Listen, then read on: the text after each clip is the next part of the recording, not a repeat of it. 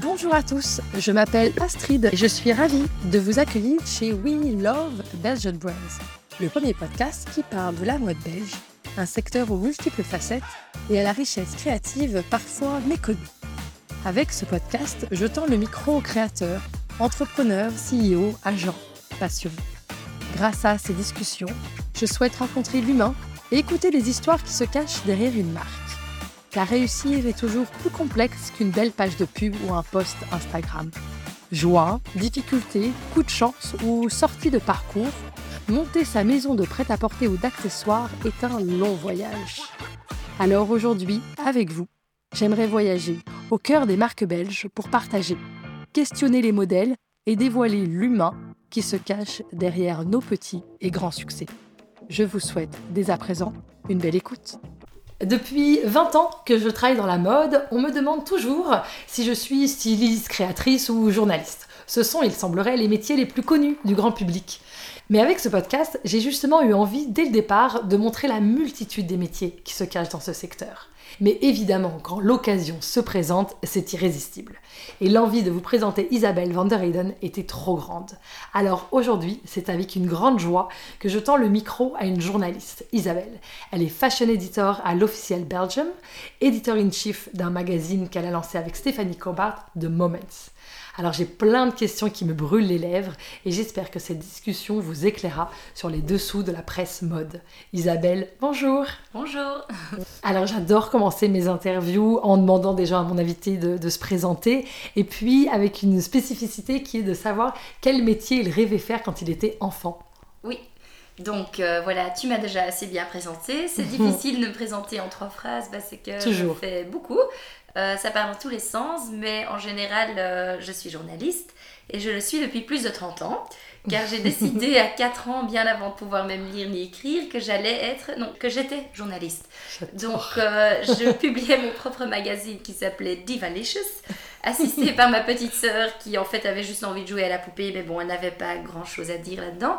Et c'était surtout euh, un magazine de, recherche euh, presque détective, donc je grimpais dans le jardin du voisin, je prenais une photo de lui qui dormait sur sa terrasse, et on se posait la question très importante, mais pourquoi cet homme dort euh, Qu'est-ce qui l'endort Qui passionnait évidemment une audience. C'est ça, voilà. Je suivais mon papa avec un petit Kodak, je prenais des photos de sa voiture qui partait, on faisait un gros reportage, où va cet homme?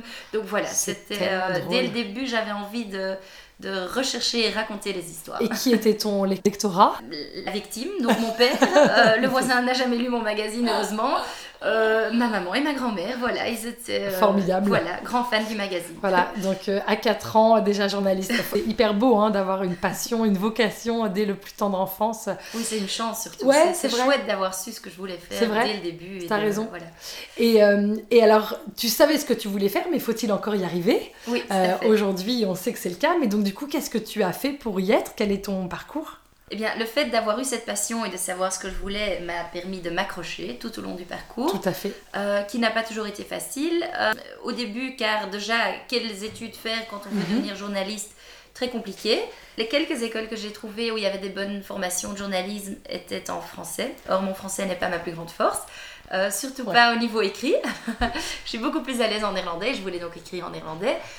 du coup, j'ai fait quelques études linguistiques et puis un petit master en journalisme où finalement je n'ai appris rien. Euh, et puis on suivi deux années intenses de stages. J'ai vraiment fait des stages dans toutes les rédactions possibles, imaginaires, digital, euh, papier, à, l'étranger, en Belgique. Et c'est en fait là que j'ai tout appris. J'ai tout appris sur le terrain. Et à quel âge tu as commencé euh, des stages? Je vais avoir 20, 21 ans. Ouais. Et Super. Voilà. C'est à mon avis une très bonne manière de, de se lancer. Et, dans quel titre, quel, euh, quel, euh, quel job t'avais? Qu'est-ce que tu faisais en tant que stagiaire pour commencer à 20 ans? Bien, tout premier stagiaire, bébé moi, j'ai débarqué chez Style Today, qui était un, un, magazine en ligne néerlandophone chez Sanoma, où euh, ma boss a claqué la porte le premier jour où je suis arrivée, donc je me suis retrouvée seule à la tête, entre guillemets, de ce mignon petit site. je me souviens, mon premier jour, j'avais D'abord, j'ai fait cracher tout le site, ça je me souviens. Oh, Euh, puis un gentil monsieur qui est venu m'aider, qui l'a remis en route, qui m'a expliqué comment publier un article. et puis j'ai écrit un article formidable de 5 phrases sur euh, le belly ring de Beyoncé. J'étais fière, fière, fière. Oh, oui, c'est fantastique. Euh, mais je ne savais même pas ce qu'était un annonceur. Il y avait l'équipe des commerciaux assis à côté de moi et je me demandais ce qu'ils faisaient à longueur de journée. Moi, j'étais la grande journaliste qui parlait du belly ring de Beyoncé. et eux, je me disais, mais qu'est-ce qu'ils font? Donc voilà, vraiment, euh, c'était ma crèche, mais c'est là que j'ai quand même ouais, exactement. fait mes débuts. J'ai appris petit à petit comment fonctionne un magazine. Et après, dans quel titre euh, et quelle expérience tu as pu avoir? Euh, et après ça, j'ai voulu passer chez Glamet, que j'adorais, que je regrette encore toujours, car c'était vraiment un chouette magazine Ouais, qui vrai. parlait euh, à vraiment des, des jeunes filles de 20 Mhm, ans qui avaient envie d'un mhm. peu s'intéresser à la mode, mais qui a fait faillite euh, le jour avant mon arrivée. Faut croire que je porte la poisse. parce que Oh, pauvre. J'arrive, les gens claquent la porte, les magazines euh, font faillite, donc voilà. Euh, mais puis j'ai sauté sur un avion, sur un coup de tête pour l'Afrique du Sud, où j'ai travaillé en tant que journaliste pour une association de volontariat. Et donc mon job, c'était de faire le tour de toutes leurs missions et d'écrire des reportages sur ce qu'ils faisaient. Ok, Voilà, hyper intéressant. j'imagine Oui. six mois en Afrique du Sud en tant Oui. que jeune euh, belge. Voilà, cruche passionnant. complète, euh, avec juste une carte routière et ma petite voiture et, et l'envie de raconter les histoires. Passionnant. Ça a été génial. Euh, j'ai beaucoup appris ben, parce que j'ai dû me débrouiller toute seule, Ouais. mais aussi sur le, les sujets sur lesquels j'écrivais. euh, c'est là que j'ai peut-être perdu un- une grande partie de ma naïveté. Parce qu'en fait, Mhm. je suis revenue avec la conclusion que le volontariat, c'est pas génial, Ouais. qu'il y a beaucoup de choses à améliorer. Mais j'ai quand même rencontré des personnes extraordinaires. J'ai eu la chance de pouvoir travailler deux semaines sur- un projet de réhabilitation d'animaux sauvages, de rencontrer des gens dans les, dans les bidonvilles, des femmes qui ont, re- qui ont créé des studios de danse dans des conteneurs, rien que pour pouvoir Formidable. garder les petits-enfants off the streets. Donc euh, ça, c'est bien Et des toi, par tes articles, tu mettais en, en lumière les- le travail des bénévoles.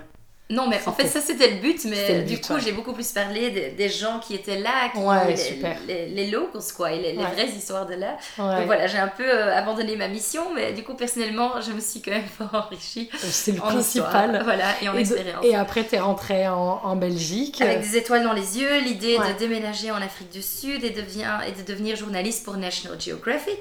Parce que bien sûr, tout cela était possible. Incroyable, évidemment. Voilà. Euh, pour entendre dire qu'en fait, c'était pas si évident de déménager toute une vie et un amoureux qui avait son premier petit boulot à Bruxelles. Ouais, Donc euh, voilà, je me suis dit, c'est pas grave, autre piste, je reste en Belgique. Et vu qu'il n'y a pas beaucoup plus qu'un écureuil et quelques chevreuils en Belgique niveau wildlife, je me suis dit, bon, bah, fashion is a jungle, donc je vais m'intéresser euh, à tout ce qui se passe dans le monde de la mode, qui me Génial. aussi beaucoup. Puis je suis arrivée chez Elle Belgique, où je suis restée collée, où finalement j'ai eu mon premier vrai job. Super. Donc, euh, donc tu as voilà. travaillé longtemps en plus, euh, elle Belgique. Oui, une dizaine d'années. Ah ouais. Je me suis retrouvée à un moment donné à la tête du magazine digital, flamand bien sûr, Ouais. parce que tout était séparé Ouais. au niveau linguistique.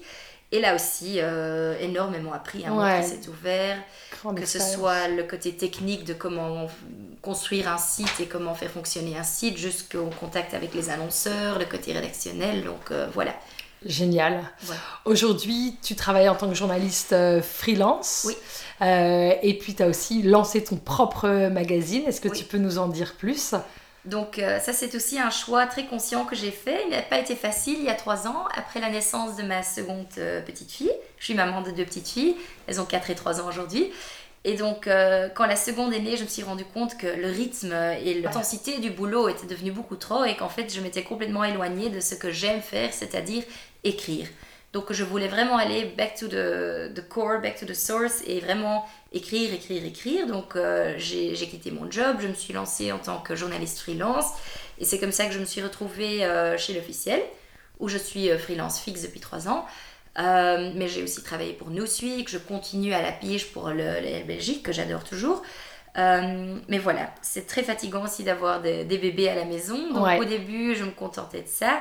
Mais au fur et à mesure que le, le brouillard et la- les nuages dans la tête de toute cette fatigue commençaient un peu à se dissiper, je me suis dit, bah, j'ai l'espace, j'ai l'envie, j'ai le temps de, de faire un truc à moi. J'avais vraiment... J'avais deux bébés, mais apparemment j'en voulais trois. Donc le troisième, c'est devenu Moments. Euh, c'est vraiment un projet qui a commencé avec un blog qui s'appelait The Moodist, où je, je faisais des petites expériences, je, je racontais ce que j'avais envie de faire sans devoir euh, tenir compte ni d'annonceurs, ni d'algorithmes, ni d'éditeurs au-dessus de moi. Et euh, en faisant ça, j'ai fait une très très très chouette rencontre avec Stéphanie Cobat, qui est donc ma partenaire sur Moments, qui est en fait une agente de voyage. Elle, euh, elle venait de lancer son, son agence de voyage euh, boutique, où elle fait vraiment des voyages personnalisés, hyper conscients, qui veulent justement aussi remettre un peu du storytelling dans la façon dont les gens voyagent. Mais puis il y a eu Covid, donc elle a vraiment bien choisi son moment. et on s'est dit, on s'est mis ensemble. Elle adore la mode tout autant que moi toutes les deux très créatives et on a vraiment marié nos deux univers. Euh, moi, le côté média et le côté voyage. Moi, le fait que je ne peux plus aller nulle part sans avoir deux petites assistantes collées à mes bottes. Donc, euh, j'ai dit, ça doit en tout cas être un truc parents-enfants, grands-parents-enfants, famille, parce que voilà, je les ai tout le temps avec moi. Et c'est comme ça qu'on est venu sur Moments, qui est un travel and lifestyle euh, magazine pour des familles euh, errantes. Donc, euh, c'est ça. Je dis famille, donc c'est pas que pour les jeunes parents, c'est pas, c'est pas, c'est aussi les grands-parents, c'est les oncles, les tantes, les parrains, les marraines, les jeunes, les vieux, qui ont cet esprit ouvert et créatif et qui se ruent à l'idée que une fois qu'il y a des enfants dans notre vie, tout est fini le design, l'art, le, voyage, le lifestyle, tout ça revient à compote purée, pampers, tupperware. Euh, mm. c'est un peu l'idée qu'on a en général de la mm-hmm. parentalité, des familles. Et nous, justement, on a eu envie de, remettre ce petit côté sophistiqué, vrai, authentique. Ouais. Je vous mens pas que je dors pas beaucoup la nuit, mais quand même sophistiqué, quoi. Même avec des cernes, je continue à m'intéresser à la mode, à avoir envie de m'habiller bien, de visiter une belle expo, de voilà, de chercher Ça me parle complètement. Je trouve que c'est vraiment euh, un, très très bon angle. Et euh, Moment, ça a maintenant trois numéros Trois numéros, oui. Waouh, super. Et écrire, c'est vraiment une, une, passion, mais Moment, c'est aussi de très belles images. Il y a aussi toute une dimension euh, artistique, créative. C'est aussi vous qui faites ça? Comment ça se passe? Oui, donc en fait, on fait tout de A à Z, sauf la mise en page et le côté graphisme. Ça, on mhm. travaille avec Guillaume Pinet, qui est super pour ça. Euh, mais donc on a vraiment eu envie de créer nous-mêmes nos images. De... On voulait tout d'abord que c'était nous, qui avait un soul dedans. donc euh, c'est pour ça on s'est dit on va pas travailler avec des images de stock, on va tout faire, tout créer nous-mêmes, en collaboration bien sûr avec, avec des photographes qu'on trouve, euh, mais qui sont aussi tous des, super chouettes profils. Donc on voulait vraiment que on voulait rien d'anonyme. Donc ça devait. Chaque image doit vraiment spiter de la personnalité, une histoire, que ce soit la nôtre ou celle de, la personne qu'on interviewe. Euh, donc c'est pour ça qu'on travaille pas non plus avec des mannequins professionnels. Bon, on va pas se mentir, on n'a pas les budgets, mais aussi parce que on voulait cette image de la mère parfaite euh, d'Outson Cruz. Euh, je trouve que dans les médias, ou bien ça c'est une maman, ou bien on est parfaite, on a des bébés, mais trois semaines après l'accouchement, on est idéal. Ou bien on est extrêmement. Euh, on s'est salé, euh, c'est fini. Bah, à nouveau, ce narratif de c'est fini. Tu vois, on peut plus se mettre en bikini, on peut plus se montrer, on met un jean et un t-shirt et ça s'arrête là. Alors que la réalité, elle est quelque part entre ouais, les deux. bien sûr. Il y a des jours où je me réveille et je me dis, oui, ok, aujourd'hui c'est journée jeans, t-shirt. Il y a des jours où je me dis, mais moi je suis encore plus belle que Dawson Cruz. Donc euh, c'est vraiment la réalité entre les deux. Et c'est ce que nos mannequins reflètent aussi. Euh, ce sont des, des, gens vrais. Ouais, ouais, ouais. des, euh, des, vrais, des vraies filles, des vraies mamans. Voilà, des, vrais, des vrais parrains. On a, on a fait un shooting l'année passée avec Jan Wout van qui est le chanteur de Tout va bien qui n'a pas d'enfant, mais qui a une horde de neveux et nièces qui l'adorent. c'est cool, ouais. Et euh, voilà, on l'a, on l'a mis sur son piano, il a chanté ses chansons et les petits ont dansé autour de lui, chacun a son interprétation. C'était super. un moment, à nouveau, un moment magique, même si lui n'est pas papa. C'était un moment en famille. Bien sûr. D'ailleurs, son papa était venu en tant que chauffeur, il était très ému ah. de voir euh, son fils et ses petits-enfants, donc c'était ouais, c'est chouette, pour nous de pouvoir créer, même dans, dans le behind the scenes, des moments euh, riches comme ça. Chouette. Et euh, aussi bien avec Moments qu'avec tes autres activités de, de, freelancer, comment tu choisis tes, tes sujets et c'est quoi les sujets qui, qui t'intéressent aujourd'hui? Oui, donc ça c'est facile et difficile parce que tout me botte. J'ai un Excel à la maison avec euh, je crois qu'il y a 5000 sujets là-dessus. Oh j'ai envie de parler de ci et ça, mais j'ai appris avec le temps que je devais laisser mijoter, que ouais. le moment se présentera quand il se présentera. Donc, euh, quand je travaille euh, pour l'officiel ou pour le L, c'est plus facile parce qu'il y a un autre éditeur, rédacteur en chef qui dit oui, ça, oui, ça, non. Tu as une page et demie et puis tu te tais. Donc, euh, ça, c'est facile. Parfois, c'est dommage aussi parce qu'il y a vraiment des choses que j'ai envie de raconter qui n'ont pas encore trouvé leur chemin jusque dans un article. quand c'est moi, c'est très difficile. Je choisis. Mais... Donc, là aussi, en fait, c'est comme ce que je venais de dire ça se présente. Donc, euh, par exemple, la semaine passée, on est parti en reportage euh, visiter un château en ruine, en pleine restauration, au fin fond des Pyrénées, où il y a moyen de loger dans des lits euh, Marie-Antoinette, mais avec il n'y a, pas de, pas de carreaux dans les fenêtres, il y a des chauves-souris la nuit. Ah. On a eu la visite d'un chat au plein milieu de la nuit dans mon lit avec mes filles. Mais donc, c'est quelque chose de magique. Ça faisait 8 ans que je suivais ce projet, que j'avais envie, ci et ça. Et puis c'était, je me suis dit, mais c'est le moment. Ça se met dans, dans le thème aussi de ce qu'on veut pour Moments et, pour eux aussi. Donc voilà. Donc là, je laisse un peu, je vois ce qui, ce qui se met sur mon passage. Super. Et c'est important pour toi de parler de mode belge, de donner un, un angle, euh, oui, belge à ton, à ton magazine ou même aux autres articles que tu pourrais, euh, que tu pourrais faire? Tout à fait car euh, on a tellement de richesses culturelles et créatives en Belgique que c'est en tout cas le but de beaucoup en parler. C'est même ma mission euh, chez l'officiel, c'est de vraiment ne que parler de marques euh, et de profils de chez nous. Et oui, la mode belge, enfin, où commencer C'est tellement diversifié et Enfin, longtemps, l'image de la mode belge, surtout quand je me promenais au Fashion Week et tout, en coulisses, euh, c'est, on pense encore toujours au Antwerp Six, euh, mhm. à une mode très stricte, très sobre, très euh, discrète, pas trop de, de enfin, pas, trop, pas, de fantaisie, mais enfin très, très discrète et sobre. or, il y a tellement plus, même chez les Antwerp Six. Mhm. donc, moi, j'aime bien un peu casser les, les, stéréotypes et les clichés. Et j'ai envie de dire aujourd'hui, les Antwerp Six, on leur doit tout enfin pas tout, parce que notre histoire euh, de mode commence déjà au Moyen Âge, euh, l'industrie du textile, on leur doit beaucoup. Euh, mais aujourd'hui, c'est les Belgian 6000, quoi. Il y, a, il y a Anvers, il y a Bruxelles, mais il y a Courtrai, il y a Bruges, il y a, il y a Liège, il y a Namur. Enfin, partout où on va, on trouve des créatifs qui utilisent aussi de plus en plus leur propre patrimoine. Par exemple, j'adore ce que fait un Glenn Martins qui utilise vraiment tout, tout l'héritage brugeois aussi un peu le kitsch qui, qui met dans des créations super modernes. Donc euh, c'est ça qui est chouette et c'est ça qui me botte. C'est euh, de dire que la Belgique c'est plus qu'Anvers et Bruxelles et, euh, et, une poignée de créateurs. Et d'ailleurs pour moi les six d'Anvers c'est évidemment la mise en lumière de, de talents exceptionnels mais c'est aussi un peu une réalité de presse c'est la presse qui a créé bah, déjà ce logo, quoi, les six d'envers de Six of Antwerp. Euh, mais il y avait euh, déjà à cette époque-là d'autres talents, d'autres choses.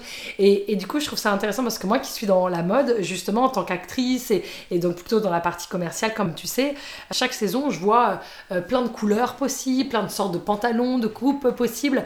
Mais, mais quand on, on me rencontre dans, dans, une soirée lambda et que je sais que, qu'on sait que je serai dans la mode, on peut très facilement me demander ah c'est quoi les couleurs pour l'hiver prochain?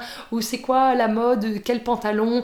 Et, ça m'amuse toujours parce que pour moi c'est pas du tout une réalité euh, commerciale. Euh, pour moi déjà bah, euh, en fait tout existe toutes les couleurs existent et, mais c'est vraiment une réalité de la presse.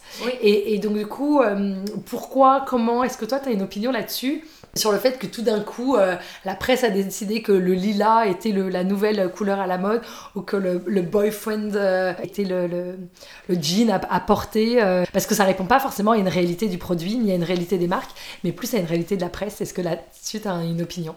Tout à fait. tout d'abord, c'est vraiment une construction absurde cette histoire de tendance parce que même dans la presse, on n'aime pas en parler. On est, enfin non, la presse en parle, mais en fait, behind the scenes, tout le monde sait que les tendances, ça n'existe pas. Ouais. et en plus, c'est pas très durable de l'idée de devoir changer sa garde-robe tous les six mois et d'investir dans des nouvelles pièces. Euh, donc en fait, c'est une grande absurdité. Euh, mais j'ai une très chouette conversation avec propos de ça avec Liedewey Edelkoort, qui est en fait Trend Explorer euh, mhm. et qui est qui, qui, qui, son job c'est de prédire des tendances. Mais elle m'a dit écoute des tendances oui, tendance. Ouais, ouais, En néerlandais, on dit trend et tendance. Et alors, du coup, tendance, c'est le mot qui explique la nuance. Donc, aide-moi. Tendance, elle dit c'est plus en fait des mouvements dans notre société, dans notre culture, qu'on sait un petit peu prédire, mais qui dépendent de tellement de facteurs. Bien sûr. C'est absurde de vouloir à tout prix couper ça dans des petites euh, périodes de six mois. Donc, euh, et si on peut parler de une tendance, donc le mouvement qui a lieu pour l'instant, il est très intéressant, euh, selon moi, car on s'est tous rendu compte étant dans le business, que ce mhm. soit des buyers ou des créateurs ou des, ou des journalistes, que le, public est de plus en plus conscient de ce qu'il a envie de consommer. Donc euh, parlons mode, donc on va de moins en moins aller s'acheter un t-shirt à, 5 euros, mais vraiment se poser la question qui a créé mes vêtements, d'où vient le tissu, où est-ce qu'il a été coloré, il a été fait dans quelles circonstances, quel est le, le coût écologique de tout ça? Donc ça c'est une chose, ça on le sait, et ça la presse en parle beaucoup depuis deux ans. Mais ce qui moi personnellement m'intéresse, c'est que depuis peu aussi, enfin en fait depuis longtemps, mais je commence à me rendre compte, le public est aussi de plus en plus intéressé quel est le lifestyle ou quelle est la vie qui est accrochée à ce t-shirt. Donc, mhm, euh, mhm.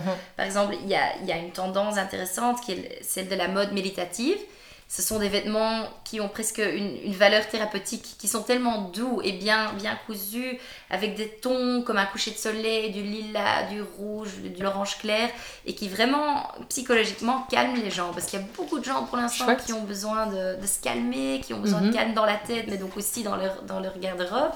Et donc, ça, c'est une. J'appelle ça un lifestyle qui est attaché mhm. à un vêtement. Tout à fait. De là à dire que tout le monde veut une mode méditative, c'est pas vrai. il y a le Barbiecore qui, qui bat son plein, donc il y a, il y a plein de gens qui ont envie justement de s'éclater, de, de, chercher des endorphines dans les couleurs, les trucs. Donc, c'est ça qui m'intéresse, c'est de dire, euh, voilà, vient de mes vêtements, mais aussi quel est le style de vie que j'ai envie de vivre et quel est le vêtement qui, qui se marie à ça?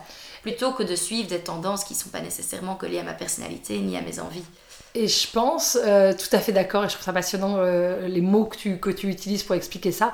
Et, et, il me semble aussi que de plus en plus, les gens ont envie quand même de savoir que les choses ont du sens. Donc en effet, ça a été pensé, designé en Belgique, donc les gens sont bien payés, que la production a été faite en Europe, que du coup on a, et on a évité des transports euh, et des coûts farfelus. je pense qu'il y a de plus en plus cette tendance. et moi, pour le coup, je trouve que les gens sont plus sensibles à une marque belge aujourd'hui qu'ils ne il y a 10 ans. Oui. Euh, à l'époque même, il y avait une tendance à dire regarde, j'ai trouvé ça à New York, j'ai trouvé ça à la Fashion Week De, Düsseldorf, j'ai acheté ça à Paris. Maintenant, aujourd'hui, ça a vraiment du sens que de présenter une marque euh, belge en Belgique. Et, euh, et je pense que c'est quelque chose pour lequel la presse a fait aussi un, du bon travail pour le coup. Bah, ce qui me fascine aussi, c'est les marques, enfin des marques qui viennent de l'étranger, mais qui, qui, sont aussi dans une, dans une méthode et dans une façon de travailler durable. Bon, après, durable, ça, ça chapeaute beaucoup de, de réalités différentes. Mais, euh, mais oui, je crois qu'effectivement, c'est le rôle de la presse de vraiment mettre en avant les marques, qu'elles soient belges ou étrangères, mais qui ont vraiment qui veulent faire bien, qui ont une chouette euh, démarche et qui... Enfin, pour moi, c'est une absurdité de sortir des numéros green ou durables ou éthiques une fois par an. Je trouve qu'un magazine devrait 12 mois par an pouvoir parler que de marques comme ça et de vraiment pouvoir justement présenter au public. Voici l'offre, voici tout ce qui est euh, durable, éthique euh, et vraiment définir quel, quel aspect de durabilité il y a là-dedans parce qu'il y en a tellement. Euh, Sachant que le public soit. Ouais, et tout le monde essaye en plus. oui, voilà, c'est ça. Hmm. Et il y a mille pistes pour y arriver. Donc, donc voilà, qu'est-ce qui existe et dans ce qui existe qui est correct, qu'est-ce qui te va à toi, Astrid, ou qu'est-ce qui me va à moi, Isabelle, quel est le lifestyle que tu as envie de, vivre, mm. qu'est-ce qui va dans ton, dans ton style. Donc voilà, Ouais, et mettre en avant euh, toutes les marques qui essayent à leur manière, euh, les, toutes les actions qui sont, qui sont faites. Et ça pourrait aussi en inspirer d'autres et montrer que c'est possible, sachant que personne n'est parfait, que tout le monde fait de son mieux. Oui, en fait, réorganiser le grand magasin de la mode, quoi. et, déjà présenter une sélection de ce qui va. Et puis les gens, donc, euh, c'est la plus grande tendance, c'est la personnalité. Les gens doivent chercher une personnalité dans ce qu'ils portent et pas seulement un vêtement qui a été créé par quelqu'un qui dit que c'est beau. Non, il faut ou que tu te sens bien dedans. C'est très important de jour de se sentir bien dans ce qu'on porte. Donc, euh, oui, et quelle est la crédibilité de qu'importe de qui, d'un journaliste ou, d'un créateur, de dire que ça c'est beau Je trouve qu'il faut garder cette subjectivité. Euh, les goûts et les couleurs. Oui, absolument. c'est super intéressant. Mais euh, après, je me dis aussi que la, presse, comme, comme toute marque, a aussi une réalité euh, financière. Comment, quel, est, quel est le but de, de la presse selon toi? C'est de vendre des exemplaires, c'est avoir des abonnés, des annonceurs, créer du rêve, susciter du désir, tu vois, mettre en lumière des nouvelles marques en effet, lancer des tendances. Qu'est-ce que toi tu en penses? Bah, la réalité économique est très dure. Que ce soit le coût du papier ou le fait de trouver des annonceurs, c'est un peu la, croix et la galère pour l'instant. Mhm. Mais euh, je pense que oui, ça j'en ai déjà un peu parlé. La mission de la presse pour moi, c'est donc de raconter la mhm. mode d'une nouvelle façon. Mais c'est aussi de ramener le storytelling, de vraiment faire rêver les gens, mais sans leur vendre faire rêver les gens sans leur vendre du rêve. Donc il faut rester vrai, mais il faut quand même montrer les, la créativité, le voyage, la culture qui cachée derrière une chose. Donc vraiment l'histoire d'une marque, l'histoire d'un créateur, l'histoire d'un vêtement. Euh, ça c'est pour moi la mission vraiment ultime de, de la presse. Euh, après, je ne sais pas si ça a encore beaucoup de sens de créer des magazines du mois au mois, de mettre un rythme euh, déchaîné là-dedans moi, personnellement, je crois plus dans des magazines, par exemple, comme, comme Moments qui sort tous les six mois, un Milk, euh, un ID Magazine, Silhouettes. Donc, ce sont des, des magazines qui, qui, ont vraiment envie de, faire des beaux objets, presque. Ce sont des beaux magazines, presque des livres. Tu les mets sur ta table, tu, lis un article, tu le laisses poser. Trois semaines plus tard, tu repasses dedans. Il y a des essais là-dedans. Il y a du contenu intemporel aussi. Intemporel, pour moi, c'est très important. Mm. Donc, euh, des choses qu'on écrit aujourd'hui qui sont relevantes aujourd'hui, mais qui le sont encore dans trois ans. Donc, euh, quand moi j'interviewe un créateur, j'ai pas trop envie de savoir quelle est l'inspiration derrière ta collection actuelle et, et, quelle est ta pièce préférée dans la collection, mais j'ai juste envie de savoir, bon, qu'est-ce qui te fait rêver, quelle est l'histoire que tu racontes, euh, tu veux aller où, enfin, ce sont des, moi, je choses plus intemporelles. Passionnant aussi, et, euh, et tu penses qu'il y a un public pour ça, que les gens ont envie de savoir ça? En tout cas, je pense que les gens cherchent de plus en plus de sens dans tout ce qu'ils consomment, que ce soit ce qu'ils portent, ce qu'ils lisent, ce qu'ils mangent. Donc euh, oui, c'est en tout cas, à mon avis, les gens sont ouverts à ça. Je suis tout à fait d'accord. Et moi, personnellement, c'est ça que j'ai aussi envie de consommer. Des marques et des choses de gens qui font ça avec du sens. Et, je trouve que la presse a cette mission-là, que de mettre en, valeur le, sens qu'il y a derrière chaque, euh, chaque métier, chaque mission, chaque, euh, chaque marque. Euh, super, oh là là, un grand merci déjà pour tout ce que tu partages avec nous. Euh, Moments, pour toi, c'est un titre belge. Et qu'est-ce que ça voudrait dire? Oui, j'ai envie de dire que c'est un titre international parce qu'on s'adresse à un public international. Ben voilà, il est écrit en anglais, il est distribué aussi en Espagne, aux Pays-Bas, euh, dans les Baléares, etc. Donc voilà, il a un public international, mais il est créé par deux Belges, donc je suppose qu'il ne peut être que belge, euh, rien que dans notre vision. Nos annonceurs partenaires aussi sont pour la plupart des marques belges. Ouais, aussi, c'est un choix conscient parce qu'on a envie de travailler, d'être une plateforme aussi pour des mm. marques de chez nous que, qui n'ont pas encore eu beaucoup l'occasion d'être dans la presse. Mhm. ou bien parce qu'ils sont tout petits qui viennent de commencer, ou mhm. bien parce qu'ils n'ont pas les moyens de pouvoir annoncer euh, mhm. dans les médias traditionnels. Donc c'est hyper intéressant de pouvoir les mettre en avant et de découvrir toute la créativité de leur univers. Donc euh, de ce côté-là, on est fort belge. Euh, mais Stéphanie est basée à Majorque depuis six mois. Et je me rends compte qu'elle commence quand même aussi à trouver ces, marques là-bas. Elle me ramène plein de marques espagnoles aussi. Donc euh, je pense que notre histoire va un peu s'internationaliser dans les, Super, voilà, dans les temps à venir. Voilà. Et je suis persuadée que c'est aussi euh, passionnant pour un, Belge que de lui de faire venir jusqu'à lui euh, l'ouverture d'esprit, les voyages et, et, tu vois et des marques espagnoles. Moi, je pense oui, que c'est dans les gens qu'on met en avant aussi. Bien sûr. Euh, par exemple, dans le troisième numéro, on a interviewé un, un photographe égyptien qui documente toute la vie de la des jeunes enfants dans le désert du Sinaï. Donc il n'y a, pas un grain de sable qui est belge dans cette histoire-là, mais voilà, c'est un chouette truc. Quoi. On a envie de le lire, qu'on soit en Belgique ou à Majorque ou à New York ça reste un bel article. Super. Et en effet, atemporel, comme tu dis, c'est juste des valeurs humaines qui, qui, transportent euh, tout le monde. Voilà. Formidable. Écoute, j'ai trouvé euh, notre conversation passionnante. J'espère que ça en intéressera d'autres. Euh, pour moi, c'était un vrai challenge que d'interviewer une journaliste. Euh, Et moi, de me faire interviewer. Ah bah voilà, tu vois, comme quoi, une première pour tout le monde. merci pour ta passion. Merci de partager avec autant d'enthousiasme tout ce que tu fais et de mettre en avant, en lumière, des marques belges, aussi bien dans, voilà, dans l'officiel ou Moments, qui est un très très beau magazine. J'hésiterai pas à mettre dans, dans le post qui lancera cet épisode, les références des, différents euh, supports avec lesquels tu travailles. Est-ce que tu veux rajouter quelque chose, Isabelle? Bah oui, euh, tout d'abord merci pour ta passion. Et pour le fait de justement mettre en avant tous les agents qui se cachent derrière euh, la mode belge, que ce soit des journalistes, comme tu dis, c'est pas que journalistes, mannequins, bah créateurs. Il, y a des, il y a des acheteurs, il y a des. Enfin, c'est ça aussi la mode belge, c'est les, les, centaines de personnes hyper douées et respectées à l'international qui travaillent behind the scenes, que ce soit du set design jusqu'à la production, jusqu'au photographe. Enfin bon. Euh, on peut écrire un livre là-dessus. Ouais, absolument. Euh, donc merci à toi. Euh, et puis aussi, moi j'aime bien faire passer le message qu'il y a mille façons d'exercer notre passion. Et moi j'ai longtemps cru que c'était très linéaire, que c'était stagiaire, job chez un beau magazine connu, un grand titre international, et ça s'arrête là, il n'y a pas d'autre option. Mais c'est peut-être aussi le fait d'être maman et de... il y a des nouvelles voies qui s'ouvrent et je me suis rendu compte qu'en fait il y a, il y a mille façons de vivre une passion d'en vivre aussi. Hein, c'est vrai. Euh, et, euh, et, voilà, depuis que je suis sortie de cette voie un peu euh, plus... Toute tracée, Voilà, toute tracée. il y a tellement de projets qui s'ouvrent, il y a tellement de chouette. chouettes rencontres enrichissantes. Bah, nous- toi et moi, on lunchait Ouais. l'une à côté de l'autre l'autre jour, on se connaît depuis même pas trois mois et voilà, on est en train de faire un podcast. Donc, C'est ça qui est chouette. c'est chouette en ces temps de se rendre compte qu'en fait, la vie a beaucoup d'options. Donc, Ouais. euh, voilà. D'être maître de sa vie et de se dire que tout est possible si on le souhaite. Et qu'il y a moyen d'être libre finalement. Ouais, c'est vrai que c'est un, un beau message de, de le partager. J'aime bien aussi poser comme dernière question euh, qui souhaiterais-tu écouter à ce podcast? Quelqu'un qui ferait partie de la mode belge? Il y a quelqu'un que j'admire beaucoup, beaucoup, c'est Caroline Van Loon, qui est Mhm. une créatrice de bijoux anversois, euh, anversoise. Pardon. Euh, elle fait en fait des bijoux, elle, elle craque des rochers en deux. Bon, là, je le décris vraiment pas de belle façon. Et à l'intérieur, il y a des cristaux euh, uniques Si, qui, si, qui se révèlent.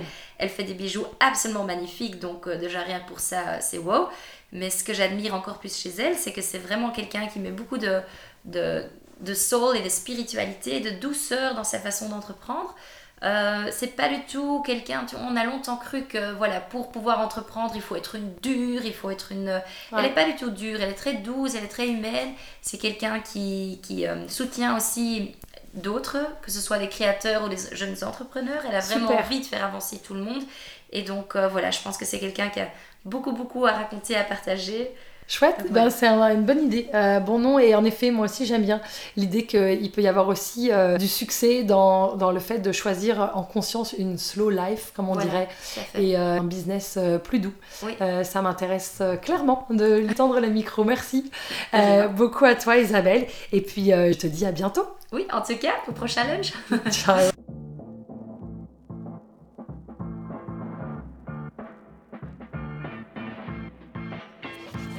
Merci beaucoup d'avoir écouté cet épisode jusqu'au bout. J'espère qu'il vous a plu. Et si c'est le cas, je vous invite à le partager et à le noter de 5 étoiles, car ça m'aidera beaucoup à le faire gagner en visibilité. Si vous avez des personnes à me proposer, des projets à mettre en lumière, des questions à poser, n'hésitez pas à me retrouver sur ma page Instagram, oui, underscore, love, underscore, Belgian, underscore, brands. Et je vous dis à dans 15 jours pour un prochain épisode.